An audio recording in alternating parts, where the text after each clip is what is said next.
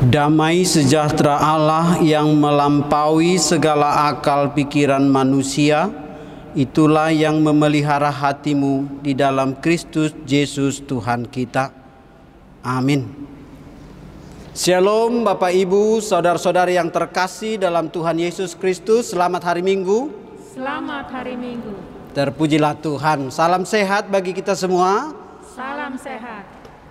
Firman Tuhan yang menjadi renungan bagi kita di minggu ini yaitu tertulis dari kitab Injil Yohanes pasal yang ke-8 mulai daripada ayat 30 sampai dengan ayat 36. Saya akan membacakan untuk kita, mari kita bersama-sama mengikutinya. Setelah Yesus mengatakan semuanya itu, banyak orang percaya kepadanya. Maka katanya kepada orang-orang Yahudi yang percaya kepadanya, "Jikalau kamu tetap dalam firman-Ku, kamu benar-benar adalah murid-Ku, dan kamu akan mengetahui kebenaran, dan kebenaran itu akan memerdekakan kamu."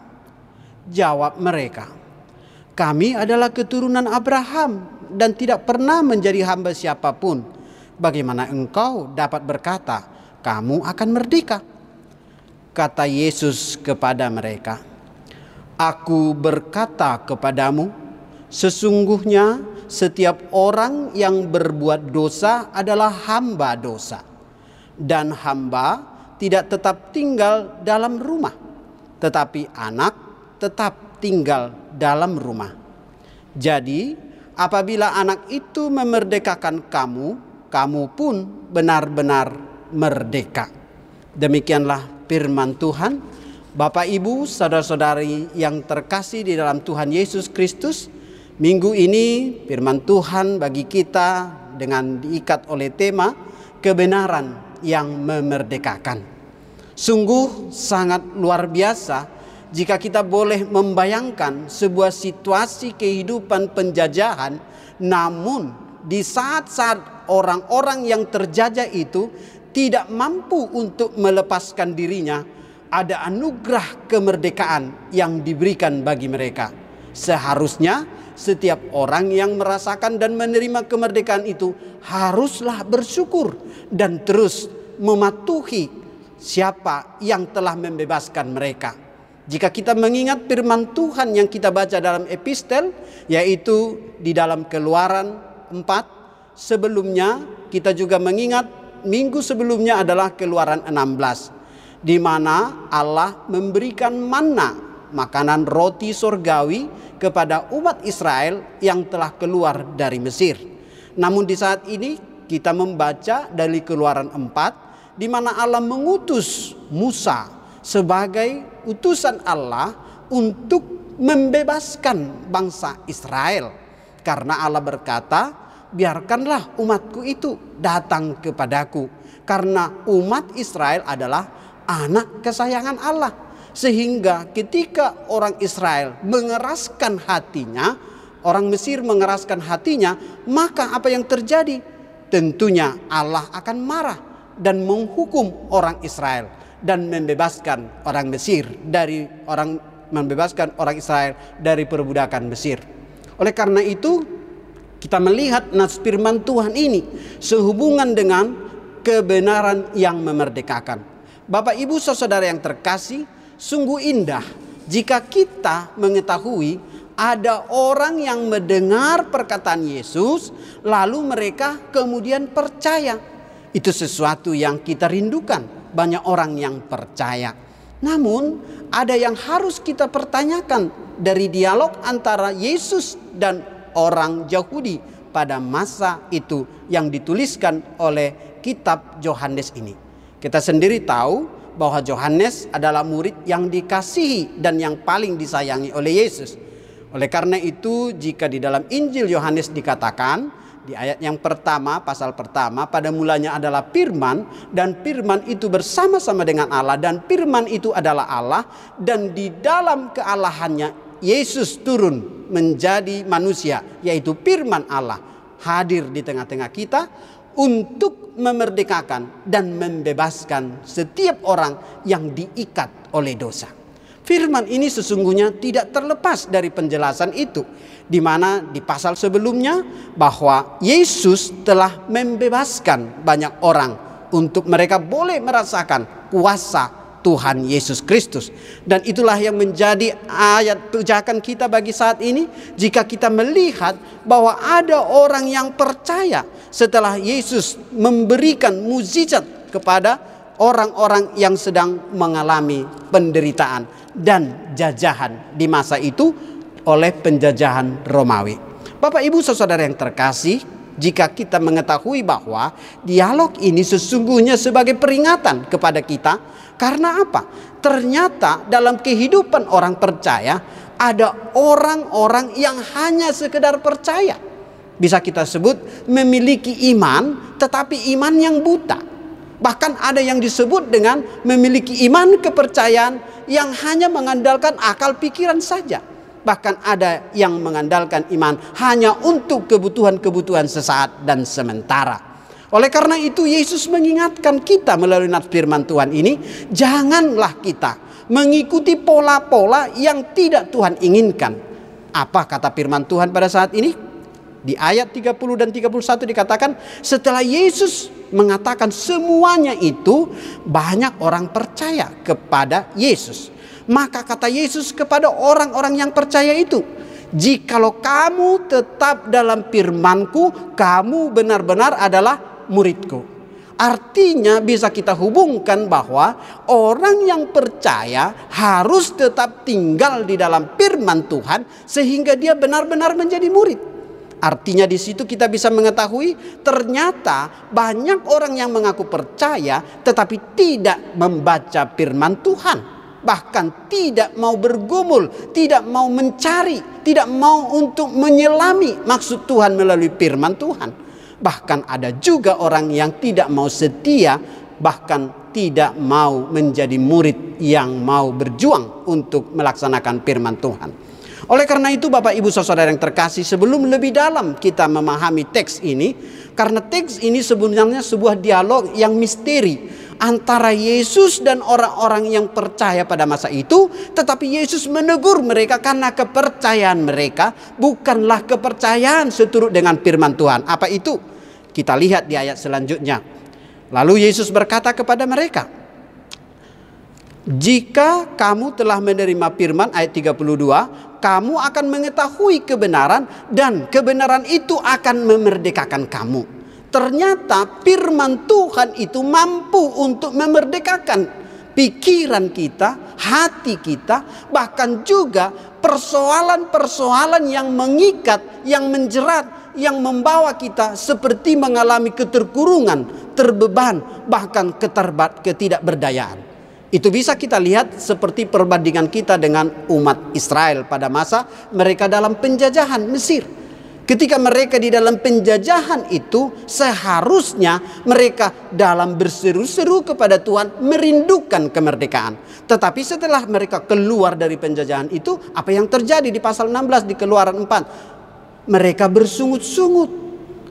Keluaran 16 mereka bersungut-sungut. Itu artinya mereka tidak bersyukur bahwa Tuhan telah memerdekakan mereka. Ini yang menjadi permasalahan yang perlu kita ketahui dan kita hubungkan dengan ayat 33. Jawab mereka kepada Yesus. Karena Yesus mengatakan orang yang tinggal di dalam firman dan mau setia untuk belajar mengenal Tuhan, maka mereka akan merdeka. Jawab mereka adalah kami adalah keturunan Abraham dan tidak pernah menjadi hamba siapa pun. Bagaimana mungkin engkau berkata kami adalah harus merdeka? Lalu ada dialog yang seolah-olah menolak. Kenapa menolak? Padahal Yesus mengajari mereka untuk mau tinggal di dalam kehendak Bapa. Persoalan yang lain mereka mengatakan, Kata Yesus kepada mereka, "Aku berkata kepadamu, sesungguhnya setiap orang yang berbuat dosa adalah hamba dosa, dan hamba tidak tetap tinggal di dalam rumah, tetapi anak tetap tinggal di dalam rumah." Karena apa? Karena mereka mengandalkan nenek moyang mereka Abraham. Mereka mengatakan kami adalah keturunan Abraham. Ah, sekarang mari kita belajar apa sesungguhnya persoalan ini. Persoalannya adalah mereka mengandalkan iman yang merupakan tradisi. Mungkin dalam kehidupan kita, kita bisa katakan dari mulai saya lahir saya sudah Kristen. Orang tua saya aktivis gereja.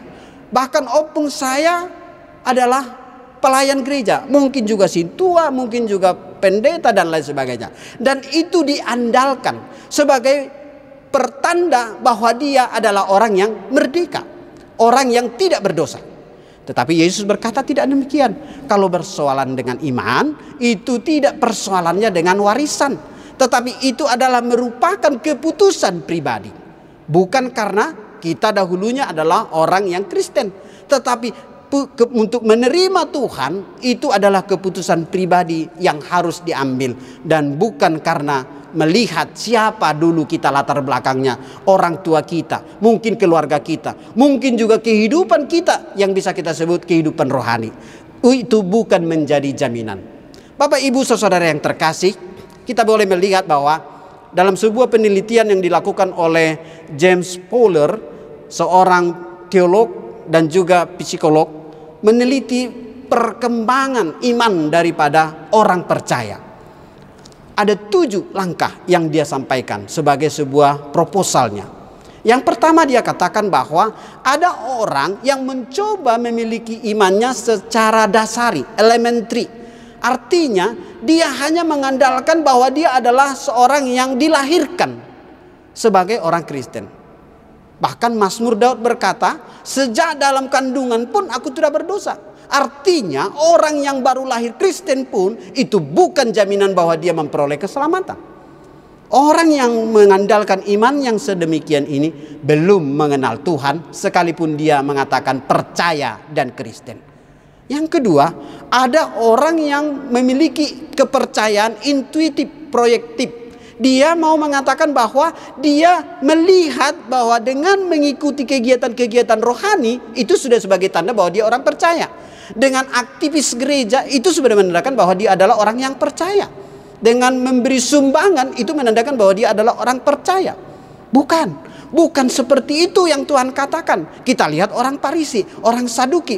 Mereka itu orang yang taat, memberi perpuluhan. Senin Kemis mereka berpuasa. Bahkan mereka berusaha untuk tidak melakukan tindakan-tindakan pelanggaran agama.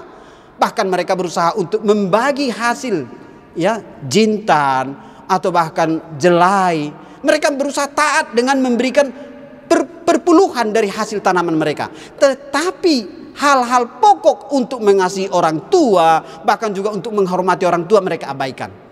Itu bukan yang Tuhan perintahkan. Oleh karena itu intuitif proyektif ini adalah iman yang hanya melihat dari luar saja. Makanya Yesus menegur orang Parisi itu, kamu seperti kuburan yang dilabur putih atau yang dicet putih dari luar tetapi di dalamnya busuk seperti kerangka. Yang ketiga, iman yang harfiah. Ini juga perlu di dikoreksi. Apa kata pendeta? Itu yang benar. Atau apa kata pelayan? Itu yang benar. Padahal belum tentu. Semua kata-kata itu belum tentu benar. Istilahnya kalau kita lihat ada pelayan-pelayan sekarang ketika mau berkhotbah buka jas. Akhirnya para pelayan lain ketika mau berkhotbah ikut buka jas. Ya. Itu bukan sesuatu yang perlu ditiru sebagai bagian dari bentuk iman, bukan. Tetapi bagaimana kita mengaplikasikan iman? Kalau percaya dengan harfiah seperti ini, makanya dikatakan jangan terlalu harfiah. Apa yang dikatakan ayat firman langsung itu ditempelkan dalam hidupnya. Makanya ketika dikatakan dalam dalam firman Tuhan, ketika dia mengambil satu ayat, tinggalkanlah seluruh keluargamu, lalu dia laksanakan, langsung dia tinggalkan keluarganya. Itu bukanlah sebuah tindakan iman. Itu adalah tindakan yang konyol karena dia tidak memahami firman Tuhan. Yang keempat yang berupa konvensional berubah untuk merubah. Jadi dia berusaha berubah dengan imannya, berubah, berubah. Tetapi dia belum memiliki pengetahuan. Tahap ini sebenarnya tahap awal kedua. Karena dia sudah mulai belajar percaya, terima Yesus, tetapi dia belum tahu caranya bagaimana. Yang kelima adalah reflektif. Dia berusaha untuk merefleksikan imannya. Di sinilah letak dari murid-murid Yesus. Mereka menerima firman yang disampaikan Yesus dan mereka berusaha untuk merefleksikan seperti kita sekarang. Kita mau mendengar khotbah, kita mau mengerti firman Tuhan, namun kemudian kita merefleksikan, bukan menolak, bukan mencari alasan, bukan membenarkan diri seperti orang-orang Yahudi yang pada saat itu berdialog dengan Yesus. Kita tahu bahwa mereka memang adalah keturunan anak Abraham. Tetapi mari kita ingat, ada satu nats firman Tuhan di dalam Lukas 16, di sana ada kisah tentang orang kaya dan Lazarus yang miskin. Di dalam teks itu ayat 22 dan 24 sangat jelas dikatakan ketika kedua-duanya mati orang miskin itu berada di pangkuan Abraham.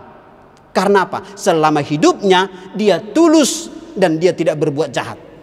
Setelah dia mati, dia hidup bersama dengan nenek moyangnya Abraham sebagai orang percaya.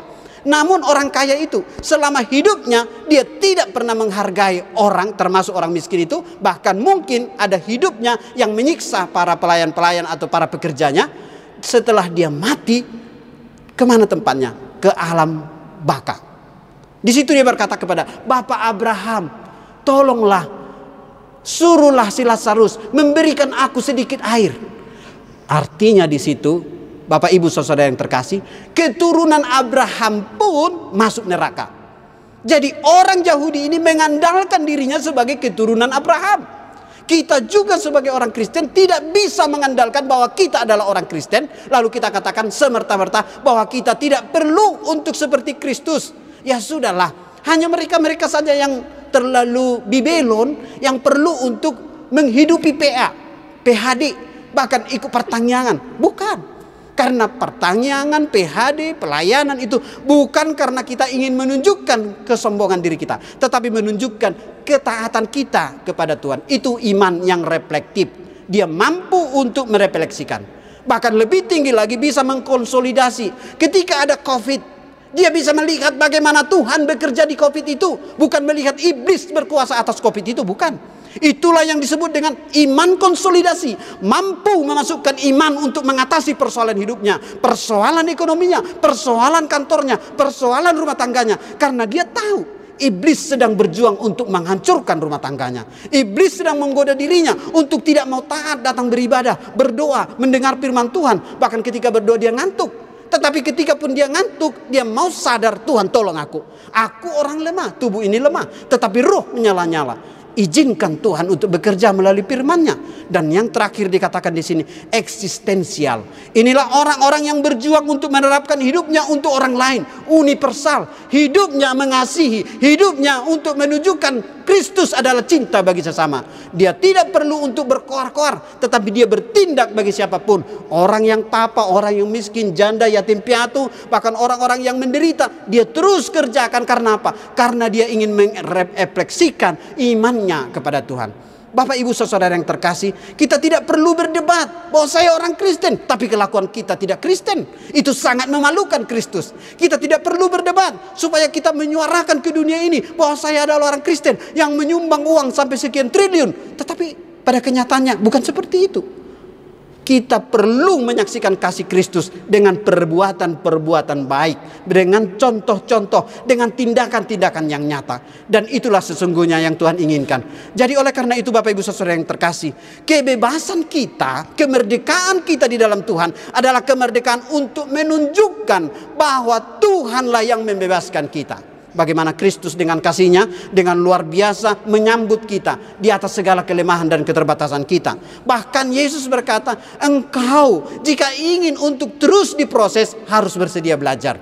Maukah kita belajar, mendengar, bahkan merefleksikan firman-Nya dan berusaha untuk melihat cara Tuhan bekerja di saat-saat ekonomi pandemi yang saat ini juga sangat mengganggu kita kehidupan rumah tangga kita, kehidupan kita sedang berhadapan dengan sakit penyakit, maukah kita melihat bahwa kekuatan dan pertolongan kita hanya dari Tuhan.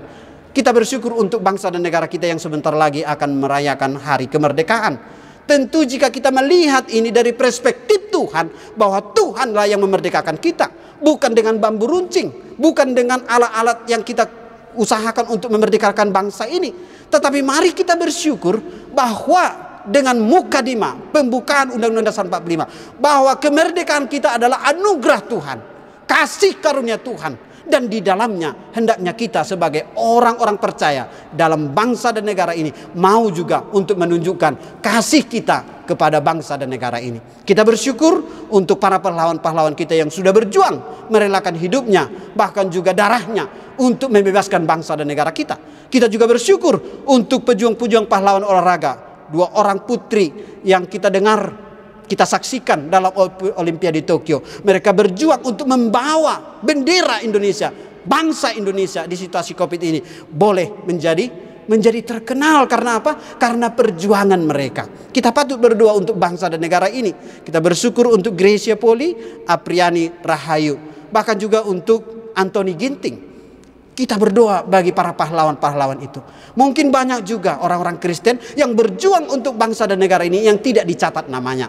Tetapi yang paling utama adalah kita mau untuk berbakti karena yang paling utama Tuhan mencatat semua perjuangan kita. Bapak Ibu Saudara yang terkasih, sifat menjadi murid adalah mau untuk dibentuk, mau untuk diproses, mau untuk belajar, mau untuk memperbaiki diri dan bersedia untuk sungguh-sungguh percaya kepada Tuhan. Sebab apa? Iman yang benar adalah ketika kita mengaku percaya kepada Yesus. Dan lewat Yesus yang kita percaya itulah yang memerdekakan hidup kita, baik tubuh maupun jasmani kita. Kemerdekaan kita bukan hanya untuk dunia ini, tetapi kemerdekaan kita adalah untuk bersama-sama dengan Tuhan. Karena itu dalam Yohanes 6 ayat 47 dikatakan, Aku berkata kepadamu, sesungguhnya barang siapa percaya ia mempunyai hidup kekal di dalam Yesus percaya kepada Yesus, maka engkau akan memperoleh hidup di dalam Tuhan. Bahkan Tuhan menjamin setiap orang yang mau percaya kepadanya akan tetap berada bersamanya dan tidak mungkin bisa di, diambil oleh alam maut. Dalam Yohanes 10 ayat 28 dikatakan, "Aku memberi hidup kekal kepada mereka dan mereka pasti selamat, tidak akan binasa sampai selama-lamanya dan seorang pun tidak dapat merebut mereka dari tanganku." Bapak Ibu saudara yang terkasih, ini merupakan sebuah teguran bagi kita. Bagaimana Yesus menginginkan supaya setiap orang yang mau percaya, mau belajar dan ikut bersama-sama dengan murid-murid yang lain untuk menyaksikan iman, bukan dengan iman yang melompat dalam gelap, bukan dengan iman yang mengandalkan akal, tetapi dengan mengandalkan Kristus Yesus sebagai Tuhan dan juru selamat yang hidup. Bapak Ibu saudara yang terkasih, melalui nats firman Tuhan ini kita diajak menghargai hak kemerdekaan yang diberikan. Jangan seperti umat Israel yang bersungut-sungut sehingga mereka dibinasakan, tetapi mau bersyukur, mau memperbaiki diri, mau untuk merespon dengan karya-karya yang bisa memuliakan nama Tuhan. Bahkan kita mau mengenal kebenaran itu sekalipun mungkin kebenaran itu harus mengoreksi kita. Seperti kita tanah liat dibentuk oleh sang penjunan, dibentuk seperti keramik. Kalau tidak sesuai dengan sang penjunan, dia akan diperbaiki lagi. Mari kita mau diproses, diperbaiki oleh Tuhan dari keterbatasan kita untuk tetap percaya dan berjalan bersama Tuhan. Biarlah melalui proses pembentukan iman ini, kemerdekaan kita akan membawa kita semakin taat kepada Tuhan seorang teolog yang bernama Henry Newman, dia sebenarnya sedang jatuh ke dalam dosa. Tetapi sekalipun dia seorang teolog dan membuat tulisan-tulisan yang sangat banyak, dia tetap bergumul. Bagaimana supaya dia merdeka? Bapak Ibu saudara yang terkasih, mungkinkah seorang teolog, seorang pendeta jatuh ke dalam dosa? Mungkin. Tetapi ada upaya di mana dia ingin menggunakan kuasa Tuhan untuk menolong dirinya. Lalu apa yang terjadi? Dia pergi ke Toronto, lalu dia berusaha untuk merawat orang-orang difabel. Ketika temannya menelepon dari negara negara asalnya, saya mau datang berjumpa denganmu. Jawabnya, iya boleh, silakan. Tetapi setelah temannya datang berjumpa jam 7, dikatakan, maaf ya sebentar, saya masih ada urusan. Temannya menunggu di ruang tunggu, Jam 7 sampai jam 8 satu jam belum juga bisa da, da, keluar. Jam 9 belum juga. Jam 10 belum juga. Jam 11 baru dia keluar. Lalu setelah dia keluar dia katakan maaf ya. Kalau saudara menunggu saya terlalu lama. Tapi Bapak kan seorang doktor, profesor di universitas terkenal di Amerika. Kenapa sampai begini tidak tidak tepat waktu? Dia bilang, inilah proses saya untuk semakin dekat kepada Tuhan Baru dia kecil tahu di kamarnya dia tidur bersama dengan difabel. Dia harus membangunkan difabel ini, memandikannya, bahkan segala kotorannya harus dibersihkan, mensikat giginya, merapikan rambutnya, memberi dia pakaian, menyuapi vitaminnya, bahkan juga memberi suapan-suapan yang bisa membuat dia untuk bisa tutup uh, sehat kembali. Ini difabel dari mulai lahir sudah cacat sampai dia akhirnya udah usia dewasa.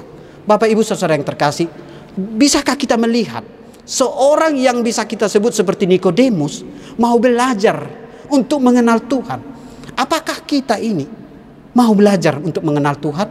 Mari kita perlu belajar sekalipun mungkin kita sudah memiliki pengetahuan yang banyak di dunia ini tapi belajar tentang Tuhan adalah belajar yang terus menerus long education Terus belajar untuk membangun iman, meneguhkan kasih, dan membuktikan kita mencintai Kristus dengan setulus hati. Biarlah kita menjadi orang-orang yang merdeka, bebas di dalam Tuhan, dan mampu untuk menyaksikan Kristus dengan kemerdekaan kita. Terpujilah nama Tuhan, mari kita berdoa. Bapa di sorga, kami bersyukur Tuhan untuk kasih setiamu yang Tuhan curahkan bagi kami. Kami berterima kasih untuk kemerdekaan yang Tuhan berikan bagi kami saat ini karena kami mengalami sebuah kemenangan atas penjajahan yang dialami oleh bangsa kami. Dan kami sebentar lagi akan merayakannya. Dan biarlah seluruh bangsa Indonesia boleh merayakan kemerdekaan itu.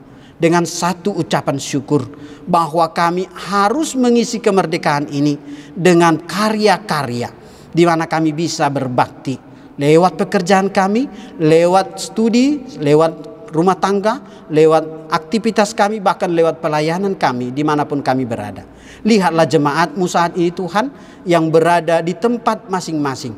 Biarlah kami juga boleh merasakan kemerdekaan di dalam Kristus yang membebaskan kami dari dosa dan maut. Sebab hanya dengan menerima Yesuslah kami beroleh keselamatan sehingga kami beroleh hidup yang kekal. Bapa di sorga kami teringat untuk bangsa dan negara kami.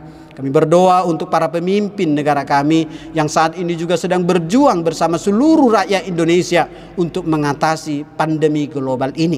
Kami mohon kuasa anugerahmu Tuhan sehingga seluruh bangsa dan negara dan dunia ini boleh terbebas dari pandemi ini. Kami berdoa juga Tuhan untuk seluruh orang-orang yang berjuang di tengah-tengah bangsa dan negara ini. Baik itu aparat pemerintah, baik itu TNI Polri maupun tenaga kesehatan. Bahkan juga Tuhan seluruh sistem dari mulai presiden sampai ke tingkat RT RW. Kami rindu semuanya juga boleh menuntun bangsa dan negara ini untuk berjalan dalam kebenaran dan kebaikan. Sehingga bangsa dan negara kami ini merasakan kebebasan kami percaya Tuhan, Engkau telah menolong gerejamu, khususnya HKBP, melalui pelayanan kami di seluruh Indonesia bahkan luar negeri. Berkati Bapak pemberitaan firman-Mu yang juga saat ini dilayankan oleh Marturia. Sehingga melalui pelayanan ini Tuhan BKS Marturia ini sungguh-sungguh menjadi tangan Tuhan yang membebaskan orang-orang yang sedang terikat. Yang membebaskan orang-orang yang sedang dirantai oleh kuasa dosa dan kegelapan Mampukan juga Tuhan pelayanan ini boleh menjadi sarana yang besar bahkan berkati seluruh hamba-hambamu yang ikut dalam pelayanan ini sehingga melalui pelayanan ini nama Tuhan dipermuliakan. Terima kasih Bapa, kami berdoa dan berserah sehingga kami boleh Tuhan pakai menjadi murid yang setia yang mau taat firman-Mu. Terpujilah Engkau Bapa di dalam Kristus Yesus Tuhan kami. Kami berdoa. Amin.